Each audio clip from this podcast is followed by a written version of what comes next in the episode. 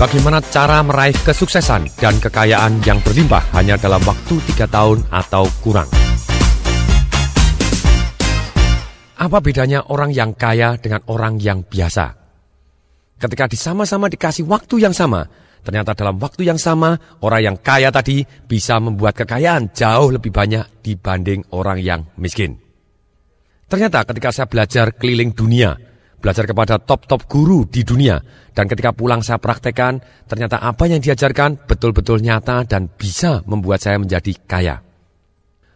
Orang yang kaya, perbedaannya dengan orang miskin ternyata hanya ada tiga saja. Satu, orang yang kaya, dia think in the certain way. Kedua, feel in the certain way. Yang ketiga, act in the certain way. Maksudnya apa? Jadi ternyata manusia yang kaya tadi, yang tadinya sama-sama miskin tapi akhirnya dalam waktu tiga tahun bisa jauh lebih kaya dibanding yang miskin, ternyata dia berpikir dengan cara tertentu, merasakan dengan cara tertentu, dan bertindak dengan cara yang tertentu.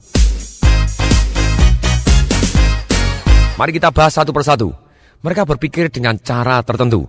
Orang-orang yang kaya, mereka berpikir, maksud saya di sini kaya dengan cara yang halal, Kaya yang masuk surga, bukan kaya dengan cara menipu atau merampok. Nah, kaya ternyata dengan cara yang halal, mereka adalah satu, mereka berpikir dengan cara yaitu membuat nilai tambah. Orang yang kaya selalu memilih dan melakukan tindakan-tindakan yang menghasilkan nilai tambah untuk orang lain. Cara berpikirnya seperti itu. Nah, salah satu contoh, zaman dulu Nabi Abraham atau Nabi Ibrahim, ketika dia diminta untuk mengorbankan salah satu anaknya, dan ternyata dia rela dan kemudian oleh Tuhan diganti oleh domba. Sejak saat itu diberikanlah sabda bahwa engkau mulai hari ini kalau karena engkau percaya terhadap aku dan percaya sepenuh hati maka mulai hari ini kau dan anak cucumu akan hidup berkelimpah. Baik agama Islam ataupun agama Kristen ada kata-kata yang seperti itu. Sejak saat itu Nabi Abraham apa yang dilakukan Nabi Abraham atau Nabi Ibrahim ini? Dia mulai beli tanah dan kemudian dia membuat nilai tambah. Dari tanah yang tidak ada nilainya, dia tanamin gandum. Gandum satu jadi ribuan. Dia punya domba. Domba dua jadi ratusan. Dia membuat from nothing be something karena dia menciptakan nilai tambah. Jadi orang yang kaya selalu fokus, saya harus membuat nilai tambah apa untuk orang lain dan untuk dunia dan untuk bangsa dan negara ini. Dan kemudian orang kaya dengan cara yang baik, mereka berpikir selalu always win-win. Tidak boleh satu yang namanya win-lose. Kalau win-lose, kerjanya akan hanya sebentar, kerjasamanya akan sebentar, bisnisnya hanya berlangsung sebentar. Kemudian, orang yang sukses tadi, mereka berpikir dengan cara bagaimana? Orang yang sukses dan kaya tadi, mereka ternyata mempunyai goal yang spesifik. Maksudnya apa goal yang spesifik? Pernah nggak kita ngalami pada waktu kita menentukan goal, besok saya mau bangun jam 5 pagi. Ternyata besok tanpa melihat alarm, tanpa mendengarkan alarm, tanpa melihat jam, ternyata kita bisa bangun tepat jam 5 pagi. Kenapa? Karena goal kita spesifik, bahwa sadar kita mau mengerjakannya dan kita bangun jam 5 pagi. Misalnya kita memberikan goal yang tidak spesifik, coba silakan dites, besok saya mau bangun sepagi mungkin. Apa yang jadi? Ada dua alternatif. Satu otak mengabaikan karena perintahnya tidak jelas. Otak berpikir begini, jam 10 pagi, jam 9 pagi, ini yang ngasih perintah goblok ini. Akibatnya apa yang jadi? Bangun jam 8 pagi dan akhirnya malah kesiangan. Alternatif pertama. Alternatif yang kedua apa yang jadi? Kalau goalnya tidak spesifik. Yang terjadi adalah pada waktu kita jam 1 pagi kita malah bangun, jam 1 lebih 5 menit bangun, jam 1 lebih 20 bangun malah tidak bisa tidur. Jadi kembali lagi, goalnya harus benar-benar spesifik. Orang-orang kaya tahu, oke okay, saya tanggal sekian pada waktu ini saya akan menjadi seperti ini.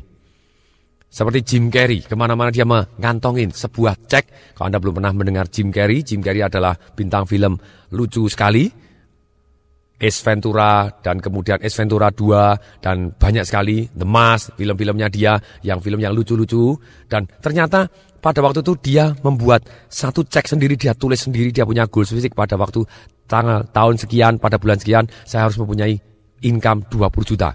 Ternyata tepat pada waktu bulan tersebut Jim Carrey bisa mendapatkan bayaran 20 juta US, yaitu pada waktu dia main film The Mask. Ini yang terjadi, banyak keajaiban ketika menentukan goal yang sangat spesifik. Kemudian berikutnya, selain goalnya spesifik, kita juga harus dalam kata-kata yang positif. Goal tidak boleh dalam kata yang negatif, tapi harus dalam kata-kata yang positif. Contohnya begini, ternyata otak bawah sadar kita, kalau otak sadar kita mengenal kata tidak, kata negatif dia kenal.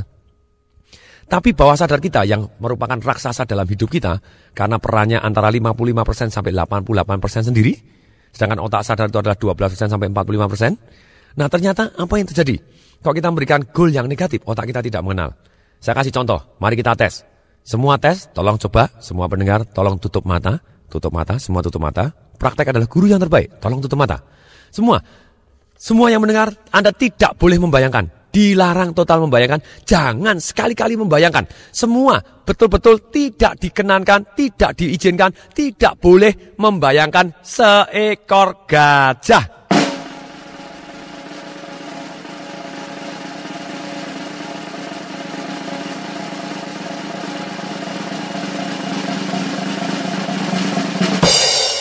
Tolong buka mata. Apa yang terjadi? Aha, gajahnya malah keluar. Kenapa? Karena bawah sadar kita tidak mengenal kata tidak. Jadi goal harus dalam kata-kata positif. Anda tidak boleh ngomong, saya tidak mau miskin. Anda jadi miskin. Saya tidak mau gagal, Anda jadi gagal. Lebih baik kita bawah sadarnya kita genjot. Goal kita dalam kata-kata yang positif. Dan kemudian setelah kita ceritanya membuat nilai tambah. Dan kita selalu bersikap win-win. Dan kemudian kita selalu mempunyai goal yang spesifik. Dan dalam kata-kata positif, kita harus bisa merasakan dengan cara yang tertentu. Merasakan ini ada tiga hal. Satu, kita harus merasa berani. Kemudian yang kedua, kita harus komitmen. Yang ketiga, kita harus mengimani. Mengimani adalah level perasaan yang paling dalam. Bagaimana kita bisa berani? Banyak sekali orang sudah tahu tapi tidak melakukan. Sampai dikatakan oleh Bruce Lee, knowing is nothing. Applying what you know is everything. Apa yang salah dari orang yang tahu tapi tidak melakukan? Karena mereka tidak punya alasan yang sangat kuat atau mereka tidak tahu caranya merubah dari rasa takut menjadi berani. Nah, ini bagaimana kita bisa berani, bisa komitmen dan mengimani. Cara berani ada dua hal yang sangat sederhana, yaitu adalah dengan merubah fokus. Kemudian yang kedua adalah dengan merubah gerak. Maksudnya apa merubah fokus? Merubah fokus ini begini. Kalau kita pernah menonton film Jurassic Park, Binatang apa yang paling menakutkan di sana? Betul, T-Rex. Bagaimana seorang Steven Spielberg menakut-nakutin kita? Yaitu dengan merubah fokus kita. Dia keluarkan T-Rexnya. Langsung mendekat, mendekat, mendekat dengan suara lebih keras. Wah! Mendadak kita jadi takut. Dan kemudian, coba bayangkan kalau kita ceritanya kepingin berani. Kita hal-hal yang menakutkan, kita buat jadi kecil. Sekarang saya mau tanya, kalau kita menonton film horor, mana yang lebih menakutkan? Kita nonton di bioskop, seorang diri, tengah malam jam 12 malam. Kemudian ruangannya gelap, bioskopnya suaranya THX, sendirian, baunya kemenyan. Atau kita nonton di siang hari, rame-rame, kemudian televisinya adalah televisi 7 inch, hitam putih lagi, dan agak beruat videonya, dan suaranya kayak suara mikro. Mana yang lebih menakutkan? Sudah pasti yang pertama. Kenapa? Karena besar kecilnya sangat berpengaruh, suasananya, situasinya, suaranya akan sangat berpengaruh. Nah saran saya, kalau kita ketika kita takut, kita kalau kita mau berani, yaitu dengan merubah fokus dan merubah gerak. Merubah fokus, Anda bisa merubah bayangannya, atau merubah pertanyaannya. Nah kalau kita misalnya merubah bayangan, kita bayangkan apa? Yang menakutkan tadi kita buat kecil, dibuat di figura, kemudian dibuat hitam putih, dibuat kabur, dibuat agak menjauh, dibuat mengecil, mengecil, mengecil, menjauh, menjauh, menjauh, akhirnya ditelan oleh matahari, mendadak kita jauh lebih berani. Karena fokusnya kita jauhkan, mengecil, kita akan jauh lebih berani. Dan kemudian goal kita, kita buat jadi lebih besar. Goal kita kita buat lebih dekat, lebih besar, lebih terang, penuh warna. Sekali lagi, lebih terang, lebih besar, lebih dekat, penuh warna. Dan akhirnya bahkan kita menjadi satu dengan goal kita. Mendadak kita bisa jadi lebih berani. Kemudian kita bisa merubah juga dengan pertanyaan apabila ceritanya fokus kita sedang ke hal-hal yang negatif. Contohnya ada orang mau usaha. Saya tahu persis kalau saya mau kaya, mau sukses, saya harus usaha. Atau saya harus kenalan kepada orang ini. Saya harus telepon kepada orang ini. Saya harus main kepada orang ini. Saya harus ngajak makan siang kepada orang ini. Nah, ternyata ternyata kita takut, takut, takut. Kita bisa merubah pertanyaan. Kenapa orang takut tidak mau mulai usaha atau tidak berani take action tadi? Karena dia tanya dengan cara yang salah. Gimana ya nanti kalau saya gagal? Mungkin tidak ya saya gagal? Gimana ya kalau saya ditolak? Nah, ini pertanyaan yang tidak adil. Karena setiap usaha selalu ada kemungkinan untuk gagal. Setiap mengajak Anda ada kemungkinan ditolak. Tapi kalau kita tidak pernah usaha atau tidak pernah mengajak, berarti kita sebenarnya gagal 100%. Nah, caranya bagaimana kita merubah supaya kita jadi berani? Kita tanya. Pertanyaan dibalik. Ruginya apa? Kalau saya tidak take action sekarang. Kalau tadi ruginya apa kalau saya take action? Sekarang dibalik pertanyaannya. Ruginya apa kalau saya tidak take action? Dan kemudian tanya lagi, untungnya apa? Kenapa saya harus take action sekarang? Mendadak fokus kita berubah. Untungnya apa kalau saya take action sekarang? Dan ruginya apa? Berarti kalau saya tidak take action, ruginya apa kita bayangkan. Dan kemudian supaya kemungkinan berhasilnya jauh lebih tinggi pada waktu kita fokus tadi, kita tanya lagi dengan pertanyaan ini. Supaya kemungkinan berhasilnya jauh lebih tinggi, apa yang harus saya pelajarin, apa yang harus saya siapkan, dan kapan waktu yang tepat akan saya lakukan. Yang jelas, waktu yang tepat itu 90% jawabannya adalah sekarang. Hanya 10% yang akan selesai dengan sendirinya, tapi lebih baik. Kenapa kalau take action sekarang itu jauh lebih baik dibanding kita menunda? Jawabannya di sini. Kalau kita take action sekarang, itu yang membuat kita mempunyai pengalaman atau hasil feedback lebih cepat. Kalau kita salah bisa kita perbaikin, kalau belum benar kita mesti kita perbaikin, kalau sudah benar kita bisa nikmatin hasilnya. Itu bagaimana cara berani merubah fokus. Kemudian bagaimana cara berani dengan merubah gerak. Dikatakan oleh guru saya Anton Robin bahwa our emotion is created by our motion. Jelas sekali bahwa gerakan kita sangat-sangat mempengaruhi emosi kita. Kalau tidak percaya, mari kita tes. Semua tolong berdiri tegak, semua berdiri tegak, tegak, tegak, tegak, kecuali yang nyetir mobil. Sekarang Anda berdiri tegak, sangat-sangat tegak, dagu ke atas, dagu ke atas, mata cerah, dada dihusungkan, kemudian senyum lebar mungkin, matanya cerah melihat ke atas, tangan dua-dua ke atas, tangan dua-dua ke atas, dengan posisi tangan dua-dua ke atas, kemudian mata melihat ke atas, kemudian mata cerah, kemudian bibir tersenyum lebar-lebar, dada dibusungkan, Coba tes kita ingat-ingat hal yang menyedihkan. Jangan berubah, tapi tetaplah ingat-ingat hal yang menyedihkan.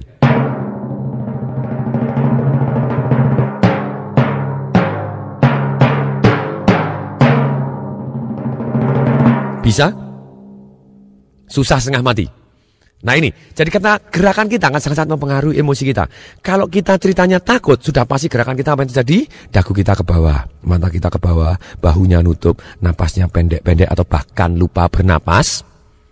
Nah kalau kita kepengen berani, saran saya, Anda lunjak-lunjak terlebih dahulu, guncang bumi istilah saya, Anda lunjak-lunjak go-go-go, kemudian busungkan dada, kepala cerah, agak tengadah, bibir senyum, tarik napas panjang-panjang, dan kemudian Hembusan yes. Hembusan yes. Hembusan yes. Ketika Anda guncang bumi 150 kali, berapa? 150 kali, dijamin setiap gerakan ini akan ada reaksi kimianya di dalam diri kita dan reaksi kimia ini membuat badan kita jadi hangat, jadi lebih percaya diri dan kita jadi berani. Nah kombinasinya bagaimana? Kalau Anda lagi takut, Anda bisa merusak pola takut Anda dengan merusak gerakan, anda masukkan tangan Anda, telunjuk Anda gitu ya. Anda putar-putar dulu telunjuknya, weng, weng, weng, weng, weng, putar-putar. Kemudian telunjuknya kanan ini masukkan ke hidung kanan, tarik ke atas, katakan takut nih. Mendadak otak kita rusak polanya, Mendadak kita jadi ketawa, kemudian Anda guncang bumi, go, go, go, go, go, go, go. Entah 10 kali, entah 50 kali, atau 150 kali kalau Anda lagi takut sekali, gitu ya. Dan kemudian Anda tarik nafas, yes, Anda tepuk dada dan genggam. Yes, tepuk dada dan genggam, dan Anda bayangkan ketika kita waktu dulu, ataupun masa depan, atau yang sudah berlalu, silahkan, yang sangat percaya diri, sangat full percaya diri, Entah waktu kita wisuda, entah waktu kita ngelamar diterima, atau waktu pekerjaan diterima, waktu gajian pertama, atau waktu mendengarkan pujian dari orang-orang yang kita hormatin. Apa pun yang membuat kita percaya diri, kita buat bayangannya lebih besar, lebih dekat, lebih besar, lebih dekat, lebih besar, lebih dekat, lebih terang, lebih terang, lebih terang. Jadi satu dengan diri kita, mendadak kita go, kita langsung berani. Kemudian berikutnya, setelah kita berani ternyata berani tidak cukup. Banyak sekali orang berani, tapi hanya sekedar sebentar saja. Atau istilah saya hangat-hangat tai ayam. Bapak Ibu tahu bahasa Inggrisnya hangat ayam? Hot hot chicken shit. Nah kemudian level kedua dalam feel itu adalah komitmen. Maksudnya apa komitmen? Komitmen itu adalah suka duka dijalanin. Kenapa orang level komitmen itu lebih tinggi daripada berani? Berani biasanya, oh ya saya kalau enak aja mungkin dijalanin. Tapi begitu mulai tidak nikmat, tidak nikmat, dia tidak mau menjalanin.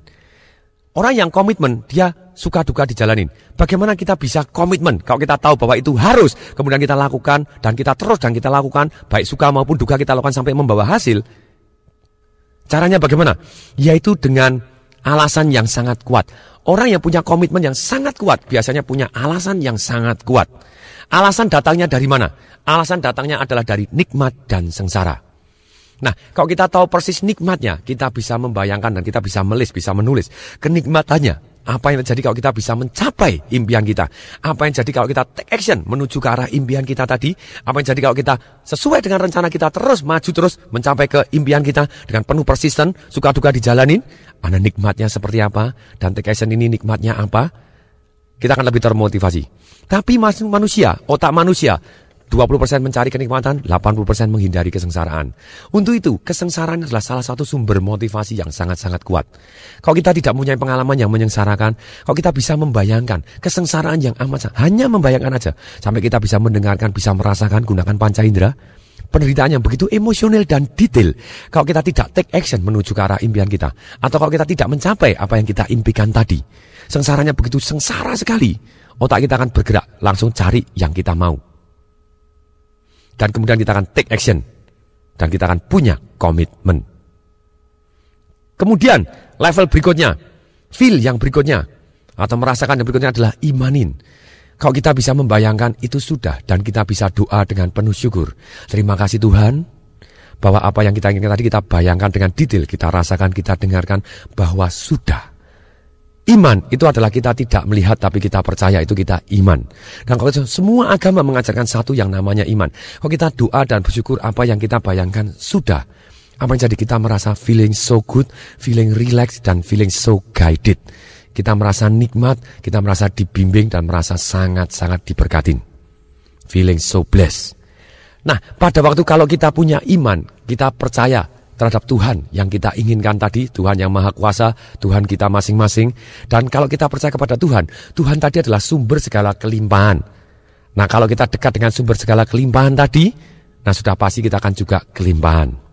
Itu level terakhir yang namanya imanin, level terakhir dari bagaimana kita merasakan how to feel. Kemudian yang ketiga adalah act in the certain way atau bertindak dengan cara tertentu. Orang-orang yang kaya Orang-orang yang sukses. Dia tindakannya apa? Satu, dia menulis goalnya. Ternyata menurut survei di Yale University di tahun 1954, ternyata ada dari semua lulusannya hanya ada 3% yang menulis goalnya. Setelah lulus akan punya apa, akan menjadi apa, akan pergi ke mana, akan melakukan apa, berteman dengan siapa. Dan kemudian 97% tidak mempunyai goal yang tertulis. Penelitian dilanjutkan lagi sampai 20 tahun kemudian yaitu di tahun 1974. Ternyata 97 persen orang yang tidak menulis goalnya di jumlah total kekayaannya dibandingkan dengan 3 persen. Orang yang menulis goalnya di total kekayaannya yang 3 persen total kekayaannya jauh lebih besar dibanding 97 persen yang tidak menulis goalnya di total semua. Mulai hari ini kita harus menulis goal kita. Tulis dengan spesifik sebutkan saya, nama saya ini, gitu ya. dengan ini kasih emosi, dengan senang hati, dengan gembira. Sudah bagian dari iman, mencapai ini. Apa pun yang Anda inginkan, mempunyai mobil ini, punya rumah ini, punya income seperti ini, tulis seperti itu, sudah. Dan kemudian pada tanggal sekian. Jadi unsurnya tiga, sekali lagi saya ulangi gitu ya. Harus spesifik, goalnya positif dan kita menulis tadi goalnya. Jadi kita tulis namanya sebut, saya dengan ini nama saya ini. Dengan gembira kasih emosinya, dengan senang hati, sudah mencapai ini pada tanggal sekian. Dan kemudian goal ini Anda baca terus, hasilnya akan luar biasa. Kemudian tindakan apa yang akan membuat Anda perbedaan dengan orang lain? Tulis alasan, sekarang lebih baik kita praktek. Selesai mendengarkan CD ini, Tulis alasan. Ini sangat penting dalam proses bagaimana kita bisa menjadi sukses luar biasa. Kita harus menulis alasan karena otak kita hanya cari nikmat menghindari sengsara. Jadi pada waktu kita menulis, kita sudah ada goalnya, ada tindakan yang luar biasa, sudah menjadi dari impian menjadi kenyataan. Kita sudah mulai tulis. Kemudian juga tulis alasan. Tulis 30 alasan. Apa ruginya? Apa sengsaranya? Apabila kita tidak bisa mencapai atau tidak take action mengarah ke arah cita-cita kita, Alasan ini harus cari yang emosional dan detail. Yang kesengsaraannya atau kerugiannya tidak tertahankan dan impactnya sangat terasa dan sangat-sangat menyakitkan. Kemudian setelah itu tulis juga 30 alasan. Untungnya apa? Nikmatnya apa? Bila kita mencapai atau kita bila take action menuju ke arah impian kita. Cari yang emosional dan buat detail yang nikmatnya sangat-sangat nikmat, sangat dahsyat nikmatnya tidak tertahankan dan betul-betul segera kita bisa bayangkan dan kita bisa rasakan. Dengan demikian ketika kita tulis alasan-alasan ini, otak kita, otak kita hanya bekerja menuju goal yang kita punya alasan kenapa kita harus mencapai goalnya tadi. Jadi kalau kita kepingin kaya, kaya itu apa? Uangnya berapa? Dan kalau hanya uang, otak kita tidak mengenal karena uang itu hanya ide atau konsep saja, atau istilahnya abstrak, Uang untuk apa? Kalau kita tidak tahu uang untuk apa, kita tidak punya alasan untuk mempunyai uang banyak, kita susah sekali mendapatkan uang yang banyak. Untuk itu, kita harus tulis alasan, kalau uang saya banyak, saya bisa begini, uang saya, saya bisa begini, saya bisa beli ini, saya bisa melakukan ini, saya bisa sosial, saya bisa bangun panti asuhan, saya bisa menyumbang gereja, saya bisa menyumbang masjid, saya bisa menyumbang apa pun, panti apa, segala pun, panti jombo, silahkan. Kemudian, langkah ketiga, tindakan kita, yaitu kita harus mencari orang yang sudah berhasil di bidang yang kita inginkan. Jadi sebelum kita mencari orang yang sudah berhasil di bidang yang kita inginkan, kalau Anda mempunyai goal, oh saya kepengen sukses di bidang ini, saya pengen punya uang ini, saya pengen ini, Anda list kira-kira orang yang sudah mempunyai uang segitu siapa saja. Yang sukses di bidang Anda siapa saja. Dan setelah Anda list, dan di bidang apa saja, dan kemudian Anda pilih satu yang benar-benar Anda suka. Oh, bidangnya ini aja. Orang-orang ini bisa aja banyak sekali bisa. Bidangnya ternyata macam-macam. Saya pilih satu bidang ini. Setelah Anda pilih bidangnya, cari siapa yang orang yang bisa Anda hubungin. Dan kemudian setelah Anda cari, langkah berikutnya apa? Masih termasuk yang ketiga ini tadi. Jadi yang ketiga Anda cari orang yang sudah berhasil di bidang yang kita ingin berhasil tadi. Orang yang sudah berhasil tadi adalah cari yang terbaik di dunia, itu akan sangat jauh lebih cepat. Kalau tidak bisa cari yang terbaik di dunia, cari yang terbaik di Asia. Asia tidak bisa cari terbaik di Indonesia. Indonesia tidak bisa cari yang terbaik di mana pun, termasuk di Nganjuk juga boleh. Nah begini, apa yang kita lakukan? Kalau kita sudah mempunyai orang yang sudah berhasil dan kita sudah tahu orangnya, ajak kerjasama. Nomor satu kita ajak kerjasama. Yang kedua kalau dia tidak mau diajak kerjasama, kita belajar kepada dia. Kalau belajar kepada dia juga dia tidak mau, kita bisa kerja kepada dia. Kalau kerja kepada dia, dia juga tidak mau, kita bisa mempelajari dari sekelilingnya dia. Oke, dengan kerjasama dengan yang terbaik, kemungkinan berhasil kita 98%. Ini kunci yang Anda harus ingat kalau Anda kepingin sukses dalam waktu hanya waktu 3 tahun atau kurang. Kalau kita mau mencoba diri sendiri, bisa, tapi waktunya akan sangat-sangat lama. Saya Tung Desemwaringin hari ini jadi karena saya belajar dan kerjasama dari yang terbaik di dunia. Nah, sekarang pertanyaannya begini. Bagaimana caranya seorang bisa kerjasama dengan terbaik di dunia? Jurusnya sederhana. Dengarkan baik-baik, catat baik-baik. Sangat penting, tulis pakai huruf besar. Ditebelin, digaris bawain, kasih tanda seru.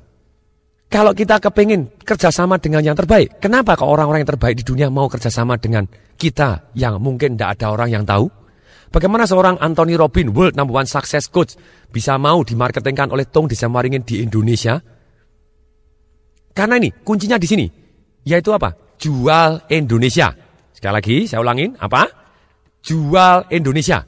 Maksudnya apa? Kita bisa jual potensi Indonesia. Kita bisa ngomong. Pada waktu saya ketemu Anthony Robin, sebelumnya, this is true story, saya berikan kartu nama saya. Saya berikan kartu nama saya kepada Waktu mau ketemu Anthony Robin susah sekali karena bodyguardnya besar-besar dan para saya berikan kepada bodyguardnya. Please give to Tony Robin. Kartu nama saya di belakangnya saya tulisin. Indonesia is 220 million people. If 5% rich, kalau 5% orang kaya, berarti 11 juta kaya semua. Not like Singapore, saya bilang. Tidak seperti Singapura. Hanya tiga setengah juta dan tidak semua orang kaya. Dan sebagian besar orang kaya di Singapura adalah orang Indonesia. Please come to Indonesia or Bali. Waktu itu saya sengaja, siapa tahu orang dia tidak tahu Indonesia itu, saya ngomong balik. Nah kemudian saya kasih kartu namanya, bodyguardnya, kasih kepada istrinya, kasih kepada penjaga hotelnya, saya tanya, kamarnya Robin nomor berapa? Oh tidak boleh tahu gitu waktu saya di Amerika sana. Ya tolong titip, ini nasibnya 220 juta orang berada di tangan kamu. Nah, kemudian kemudian saya titipkan lagi kepada GM-nya, kepada direkturnya, kepada presiden. Siapa yang saya titipin, saya titipin. Sampai satu waktu akhirnya saya bisa ketemu Anthony Robin. Waktu di hari terakhir seminar, hari ke-9, saya bisa pegang tangannya, bodyguardnya, kowe, kowe. Saya bilang, give me 30 second. Saya bilang, 30 detik aja. Kemudian Robinnya baik, sure, what's up? Dia bilang gitu.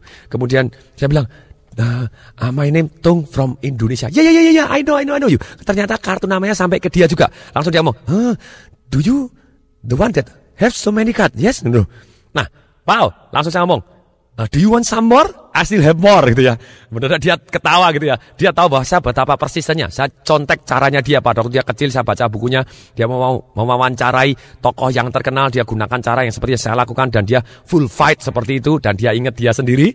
Nah kemudian dia, ya yeah, ya ya, yeah, what's up no? Dia bilang, please come to Indonesia. Saya ulang lagi, Indonesia is 220 million people, more than, yeah, yeah, I read that one. Dan kemudian ketika itu, dia happy gitu ya, mendadak bisa kenal saya dan kemudian, oke, okay, Walaupun akhirnya belum ke Indonesia, tapi mendadak dia kenal, oh ada orang Indonesia yang potensinya dahsyat. Dan akhirnya saya ngomong juga kepada kepada eksklusif authorized consultantnya di Asia, Itu Mr. Richard di Singapura. Dan kemudian saya ngomong juga dengan cara yang sama. Akhirnya dia agree untuk saya jualkan di Indonesia. Karena saya yakin bahwa ilmunya dia sangat bermanfaat untuk merubah hidup orang banyak. Nah, demikian juga. Ini jadi kita bisa kerjasama. Kita jual Indonesia atau jual potensinya. Nah, salah satu contoh. Salah satu contoh lagi. Siapa yang pernah dengar kata-kata Howard School? Kalau Anda belum pernah dengar, siapa yang pernah dengar kata-kata Starbucks? Bagaimana seorang ceritanya Howard School, itu Howard School adalah pemiliknya Starbucks, Walaupun di awalnya dia bukan pemilik awalnya. Dia adalah senior vice president di New York, gajinya sangat besar. Dia pergi ke Seattle, waktu itu kota kecil. Dia baru minum kopi di Starbucks. Wih, enak sekali. Dia punya impian. Dia langsung ngomong kepada pemiliknya. Do you know, in this world ada 5 miliar orang. Apa hubungannya? Sama, kalau saya ditanya, di, 200, di Indonesia ada 220 juta rakyat Indonesia. Apa hubungannya dengan saya? Jawab satu kata, baik-baik saja. Tidak ada hubungannya. Ada yang mau kita ajak kerjasama, ada yang tidak mau. Tapi kita ketemu satu aja. Yang mau diajak kerjasama, nasib kita berubah bumi dan langit dengan sangat-sangat cepat. Bisa kurang dalam waktu tiga tahun, bisa bisa lebih cepat lagi kalau Anda bisa pegang. Ada orang tanya lagi, Pak, apa orang mau? Belum tentu, banyak sekali orang mau. Siapa Tung? Buktinya Robin juga mau. Robert Kiyosaki juga mau. Nah, kemudian dalam hal ini ketika kita mengajukan bahwa kita jual Indonesia, kemungkinan berhasil kita juga jauh lebih besar ketika kita kerjasama dengan yang terbaik. Jauh lebih besar, jauh lebih cepat. Kemudian, kalau kita tidak bisa kerjasama tadi, kita belajar kepada, terus belajar, cari yang terbaik-terbaik, dan Anda belajar terbaik, Anda akan jadi terbaik. Ketika ada majalah memilih saya, Tung Desemaringin, sebagai pelatih sukses nomor satu di Indonesia, saya tidak heran karena apa? Karena saya sudah belajar nomor satu terbaik di dunia. Bahkan majalah SWA milih saya sebagai the most powerful people and idea in business 2005. Ya wajar aja karena saya belajar dari guru-guru saya yang terbaik. Sebenarnya saya bisa mendapatkan testimoni yang luar biasa dahsyat. Orang yang saya coach bisnisnya meledak antara 100% sampai 2000%. Itu yang saya bahas di marketing revolution saya. Nah sama, kenapa? Karena saya sudah belajar dari yang terbaik. Dalam hidup ini, kita 80% waktu kita harus belajar dari yang terbaik, 20% silakan Anda belajar kepada siapa pun. Kemudian kalau kita terpaksa kita bisa kerja kepada orang tersebut. Sekali lagi, jangan kerja cari gaji. Jangan kerja cari uang. Gaji itu nomor tiga, uang dan nomor tiga. Nomor satu adalah kita harus belajar cari ilmunya. Kemudian yang kedua adalah kita belajar cari kenalan dan cari network atau cari kepercayaan. Yang ketiga, kalau digaji besar, jangan ditolak. Jangan ideal gitu ya, gaji kecil kecil aja, tidak usah gaji besar, jangan ditolak, diterima juga. Tapi dalam hal ini ketika kita sudah belajar ilmunya, seperti Howard School tadi yang Starbucks, kemudian dia kenalan dan dia gajinya senior vice president, dia ngomong bahwa 5, 5 miliar orang di dunia ini menunggu Starbucks Anda, kemudian orangnya akhirnya mau mempekerjakan dia, tapi dengan gaji yang sangat-sangat kecil, dia tidak hitungan, dia cari ilmunya, dia cari kenalan, kemudian dia ngajak bosnya, bos yuk kita buka baru. Kalau Anda tidak mau ekspansi karena bosnya tidak begitu agresif, ya ekspansi Anda mau nggak jadi pemegang saham saya.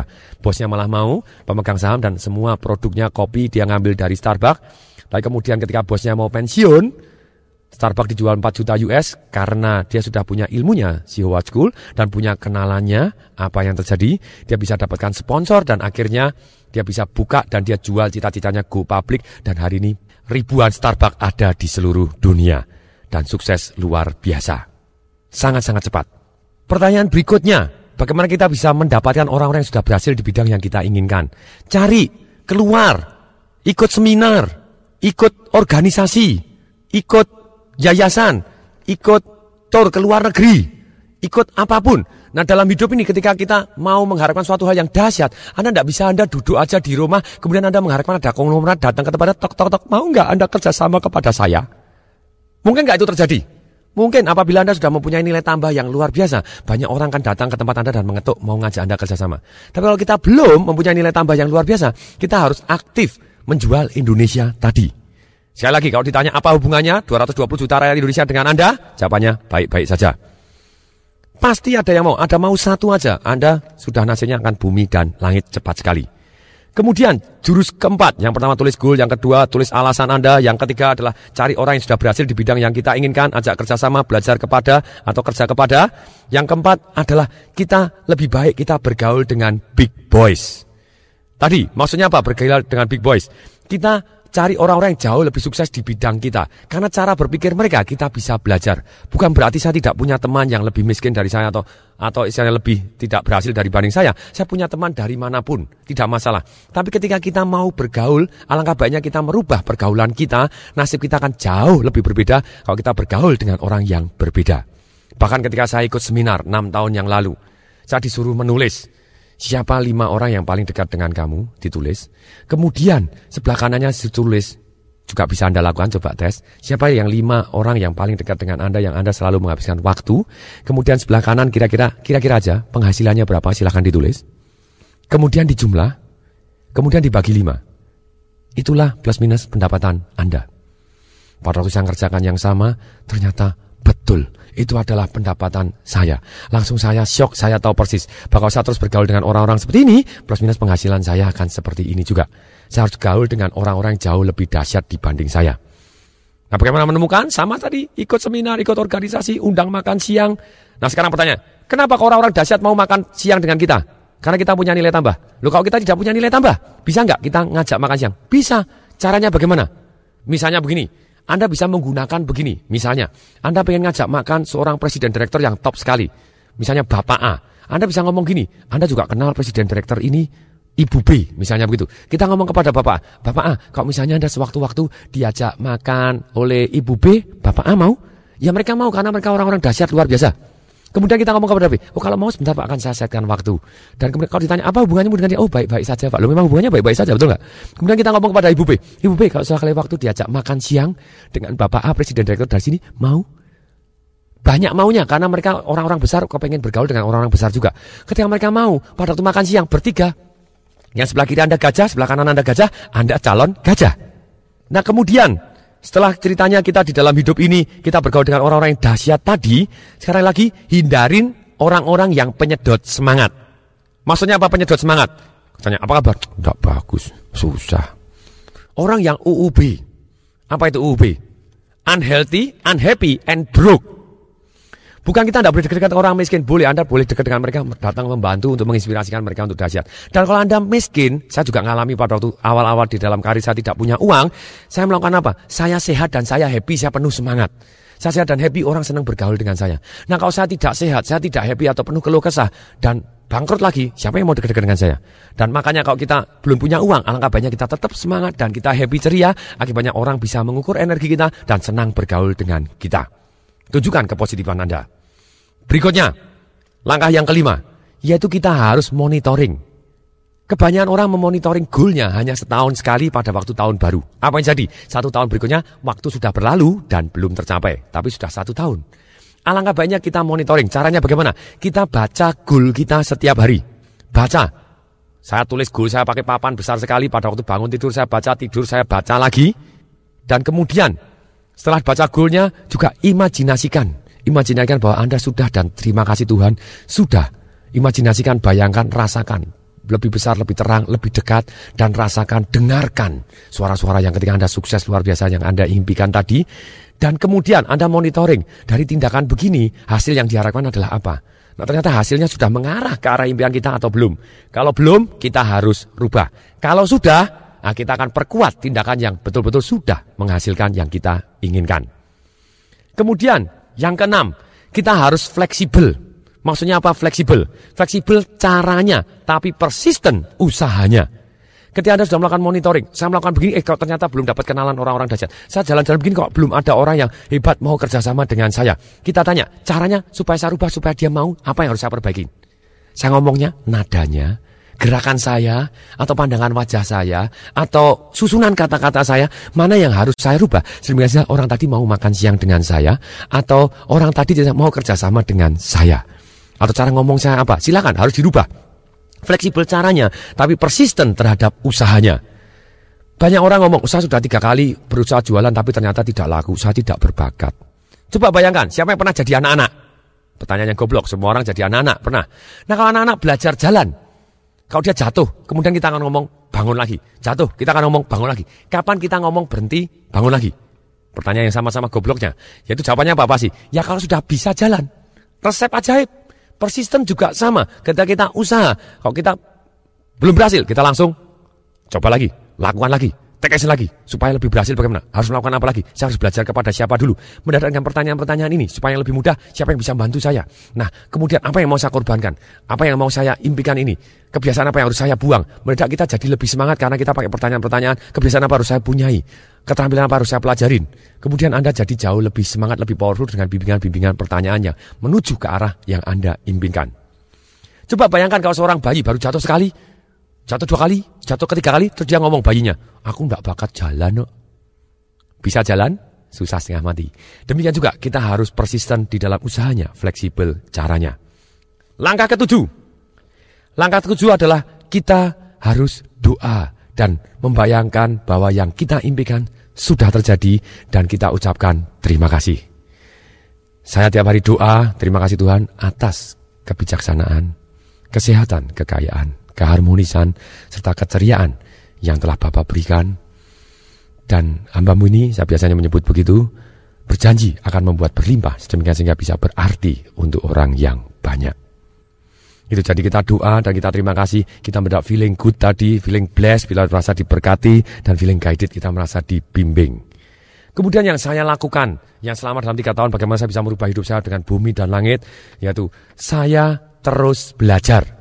Jadi langkah ke-8, kembali lagi, saya terus belajar. Walaupun tadi cari orang yang sudah berhasil kita bisa kerja kepada, belajar kepada. Tapi yang ini sengaja saya buat ke-8 karena banyak orang sudah berhasil, dia tidak mau belajar lagi. Saya punya komitmen bahwa apa yang saya bayarkan untuk leher ke bawah dengan leher ke atas harus lebih lebih besar, harus lebih besar leher ke atas. Maksudnya apa? Kalau saya makan, saya minum, saya beli baju untuk di bawah saya. Satu tahun habis 20 juta, berarti untuk leher ke atas, untuk ikut seminar, untuk apa? Harus lebih besar dari 20 juta. Karena saya tahu, mana yang lebih menghasilkan? Leher ke atas atau leher ke bawah? Lah masih ada yang ngeyel lagi, leher ke bawah pak. Atau lebih ngeyel, pinggang ke bawah, saya tidak ikut-ikut. Sudah pasti sebetulnya leher ke atas kita yang akan lebih menghasilkan. Di dalam dunia informasi ini, bahwa kita pikiran kita lah yang sangat-sangat luar biasa dahsyat yang mengelola informasi dan bisa membuat jadi uang itu sendiri. Jadi langkah ke-8 kita harus terus belajar. Belajar ini ada empat macam. Satu, kita belajar dari pengalaman kita. Itu yang paling berkesan. Tapi kalau kita ngalami sendiri, sering kali kita benjut dan tidak nikmat. Nah kemudian yang kedua, belajar dari merenung. Ini yang paling bermanfaat. Kalau kita merenung, menyimpulkan proses tanya jawab. Dari begini apa yang harus saya lakukan? Ini supaya lebih baik, apa yang harus saya lakukan? Anda terus tanya, proses berpikir adalah proses tanya jawab terhadap diri sendiri. Anda tanya, supaya lebih sukses, supaya lebih siap, waktunya sekarang, supaya lebih siap, apa yang jadi? Nah kemudian Anda selalu tanya, supaya kemungkinan berhasil lebih tinggi, apa yang saya lakukan? Dan kemudian itu kita akan jauh lebih dahsyat kalau kita belajar dengan menyimpulkan dan merenung tadi. Kemudian yang ketiga dan keempat ini adalah kita belajar dari orang lain atau dari orang atau atau situasi atau alam yang di luar diri kita. Yaitu kita bisa belajar secara langsung. Anda bisa belajar dengan punya mentor, punya pembimbing. Ini adalah cara belajar yang paling cepat. Karena orang yang berhasil akan menunjukkan kepada Anda caranya dengan lebih cepat dan lebih mudah. Kemudian yang keempat adalah dengan secara tidak langsung, yaitu dengan mendengarkan seperti CD audio hari ini, atau Anda baca buku, atau Anda melihat televisi, atau Anda belajar sesuatu hal yang baik secara tidak langsung. Nah ini adalah cara yang paling banyak. Maksudnya paling banyak apa? Kalau kita baca buku, satu orang ngarang buku itu memakan waktu mungkin umur 35-40 tahun baru mengarang buku. Rata-rata mungkin 40 tahun baru mengarang satu buku. Nah, kalau kita belajar misalnya sudah 10 buku, berarti kita sudah belajar 400 tahun pengalaman orang lain. Lebih baik kita terus belajar. Kemudian berikutnya, langkah yang kesembilan. Ada satu yang saya lakukan juga yaitu melakukan meditasi. Meditasi dengan CD audio setiap malam. Dan setelah itu rutin selama satu bulan. Setelah selesai, saya ulangin berapa hari sekali, berapa hari sekali, berapa hari sekali. Dalam hal ini saya menggunakan CD meditasi dari Dick Stupen dan saya melakukan bagaimana mencapai goal, bagaimana menjadi miliuner dalam tiga tahun, goal, success and commitment itu terus kemudian I accept saya menerima bahwa semua hal-hal yang melalui saya akan membuat saya jadi lebih baik dan lebih kuat. Kalau hal-hal yang ceritanya jelek hanya melewatin saya tanpa membuat saya jadi negatif, tapi membuat saya jadi lebih kuat, jadi lebih baik. Kalau hal positif membuat saya juga saya terima hal-hal yang positif, apa pun yang terjadi saya terima. Nah itu yang luar biasa meditasi dan saya tidur. Meditasi saya tidur, hasilnya luar biasa dan membuat saya bertindak menuju ke arah yang saya impikan. Kemudian kembali dalam hal belajar, kita harus belajar apa saja. Kalau kita kepengen sukses dan kaya dengan sangat-sangat cepat, tiga hal yang kita harus pelajarin, yaitu adalah manajemen, yang ini malah manajemen. Manajemen apa? Satu adalah manajemen dari sisi waktu. Itu nomor satu yang paling penting dalam hidup kita. Manajemen waktu, manajemen prioritas. Mana yang harus kita prioritaskan? Mana yang harus di nomor dua kan. Tapi kita harus tahu persis apa yang utama dalam hidup kita untuk mencapai apa yang kita impikan. Kemudian setelah manajemen waktu, yang kedua adalah manajemen orang.